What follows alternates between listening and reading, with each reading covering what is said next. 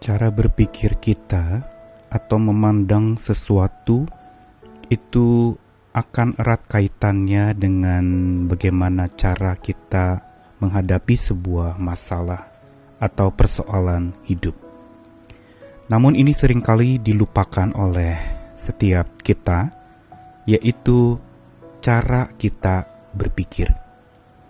Kadangkala memang dengan kemampuan berpikir kita, kita bisa berpikir begitu banyak, memikirkan segala macam perkara, bahkan semuanya kita mau pikirkan, dan dilakukan pula secara berlebihan, sehingga masalah kecil menjadi terasa besar, atau sebaliknya, justru karena kita salah berpikir, maka masalah yang besar menjadi terasa kecil. Ini membuat kita berpikir secara tidak proporsional, tidak sesuai dengan porsi yang harusnya dapat kita lakukan, yaitu berpikir sesuai dengan porsi kita masing-masing dan sesuai pula dengan porsi yang memang tidak perlu kita pikirkan. Saya Nikolas Kurniawan menemani di dalam Sabda Tuhan yang akan mengajarkan kita untuk berpikir proporsional. Dari Roma 12 ayat yang ketiga, Berdasarkan kasih karunia yang dianugerahkan kepadaku, aku berkata kepada setiap orang di antara kamu, janganlah kamu memikirkan hal-hal yang lebih tinggi daripada yang patut kamu pikirkan. Tetapi hendaklah kamu berpikir begitu rupa, sehingga kamu menguasai diri menurut ukuran iman yang dikaruniakan Allah kepada kamu masing-masing. Satu ayat yang cukup panjang ini dari Roma 12 ayat 3 sebenarnya berkait erat pula dengan ayat yang kedua sebelumnya yang berbicara tentang berubahlah oleh pembaruan budimu. Hal ini dikatakan oleh Paulus kepada jemaat di Roma.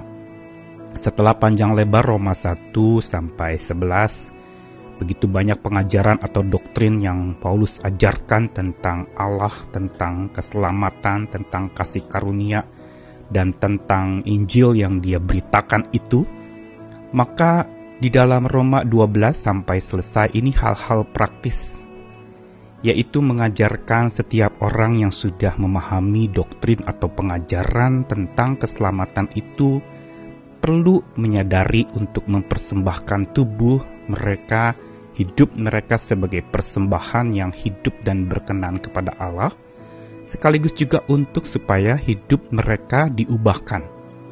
Dan perubahan yang sejati atau yang benar harus terjadi itu bermula dari pikiran manusia. Berubahlah oleh pembaruan budimu.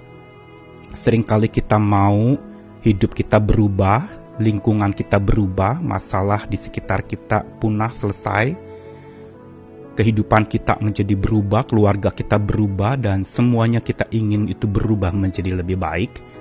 Tetapi sering kali justru kita tidak berdoa kepada Tuhan untuk mengubah pikiran kita terlebih dahulu.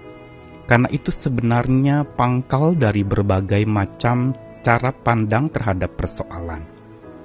Bila cara pikir kita tidak diubahkan, maka cara memandang kita terhadap sebuah persoalan pun tidak berubah.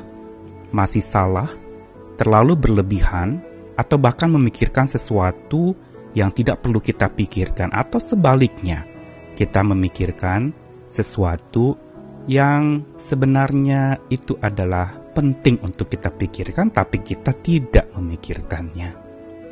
Berpikir proporsional dalam hal ini dikatakan dalam ayat yang ketiga Roma 12, yaitu berdasarkan kasih karunia Tuhan yang diberikan. Inilah sebenarnya dasar dan awal mula untuk orang berpikir proporsional, bahwa hidup kita sesungguhnya adalah hidup karena anugerah. Porsi Tuhan adalah memberikan anugerah itu kepada kita dan kita penerimanya. Bukan sumber anugerah itu dari kita, tetapi dari Tuhan. Dan dengan kacamata kasih karunia inilah, maka berpikir proporsional itu akan bertumbuh yaitu tidak berpikir lebih tinggi dari yang patut kita pikirkan. Berpikir tidak lebih tinggi dari yang kita pikirkan berarti memang pada satu kualitas atau kadar yang benar tentang apa yang kita perlu pikirkan. Ada hal-hal yang memang tidak dapat kita ubah dalam hidup kita, dan serahkanlah itu kepada Tuhan. Tetapi ada hal-hal yang kita dapat ubahkan lakukanlah itu. Dan untuk itu kita perlu hikmat untuk membedakan antara hal yang bisa kita ubah, yang memang kita perlu pikirkan, dengan hal-hal yang tidak bisa kita ubah, yang memang kita harus serahkan sepenuhnya ke dalam tangan Tuhan. Inilah bicara berpikir secara proporsional, yaitu berdasarkan kasih karunia atau anugerah, dan begitu rupa berdasarkan iman percaya menurut ukuran yang Tuhan berikan kepada kita. Dengan kata lain bahwa memang setiap orang punya ukuran iman percaya yang berbeda-beda di dalam memandang sebuah masalah. Dan semakin dalamnya iman seseorang kepada Tuhan, tentu saja pikirannya akan makin dikuasai Tuhan dan di sinilah berpikir proporsional itu akan menjadi bertumbuh dengan benar. Dan bahkan dikatakan kamu dapat menguasai diri menurut ukuran iman itu bila engkau berpikir proporsional. Berarti bahwa kemampuan kita untuk bisa menguasai diri kita itu berangkat dari berpikir proporsional tadi yang sesuai dengan iman percaya kita. Bila kita meyakini dan mengimani bahwa Allah Maha Berdaya menolong kita yang tidak berdaya, maka itu akan memberikan kepada kita satu kelegaan memberikan kepada kita justru diberdayakan oleh kasih karunia Tuhan itu. Bukankah itu yang dikatakan ukuran iman yang dikaruniakan, dianugerahkan Allah kepada kita masing-masing? Hari-hari ini ketika kita berhadapan dengan berbagai macam masalah dan persoalan hidup, berdoalah kepada Tuhan bukan sekedar supaya masalah itu selesai dan hilang punah tidak ada lagi, tapi justru mampukanlah untuk supaya mata iman kita membelalak lebih besar lagi, melihat dengan mata iman tentang apa yang ada di hadapan kita. Dan biar kita berdoa pula supaya pikiran kita dipenuhi dengan anugerah Tuhan, supaya kita dengan percaya kepada Tuhan, percaya bahwa anugerahnya itu cukup, bahwa di tengah pergumulan kita yang berat itu, maka anugerah Tuhan cukup untuk memfasilitasi, mengayomi, dan menopang hidup kita maka di situ kita betul-betul berserah kepada Tuhan. Berpikir proporsional diawali justru dengan membangun hubungan personal dengan Tuhan kita. Dari situlah kita diberdayakan olehnya. Dari situlah maka berpikir proporsional yang berangkat dari hubungan personal dengan Tuhan itu akan menjadi sebuah kekuatan untuk mengatasi berbagai macam persoalan. Bersama dengan Tuhan kita bisa dan berpikirlah proporsional berangkat dari hubungan personal dengan Tuhan yang makin karib, makin dekat, makin kuat, dan makin kita dimampukan pula menghadapi hidup yang penuh dengan tantangan, persoalan, dan masalah.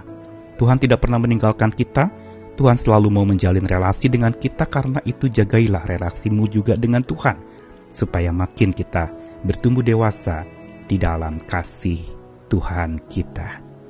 Amin.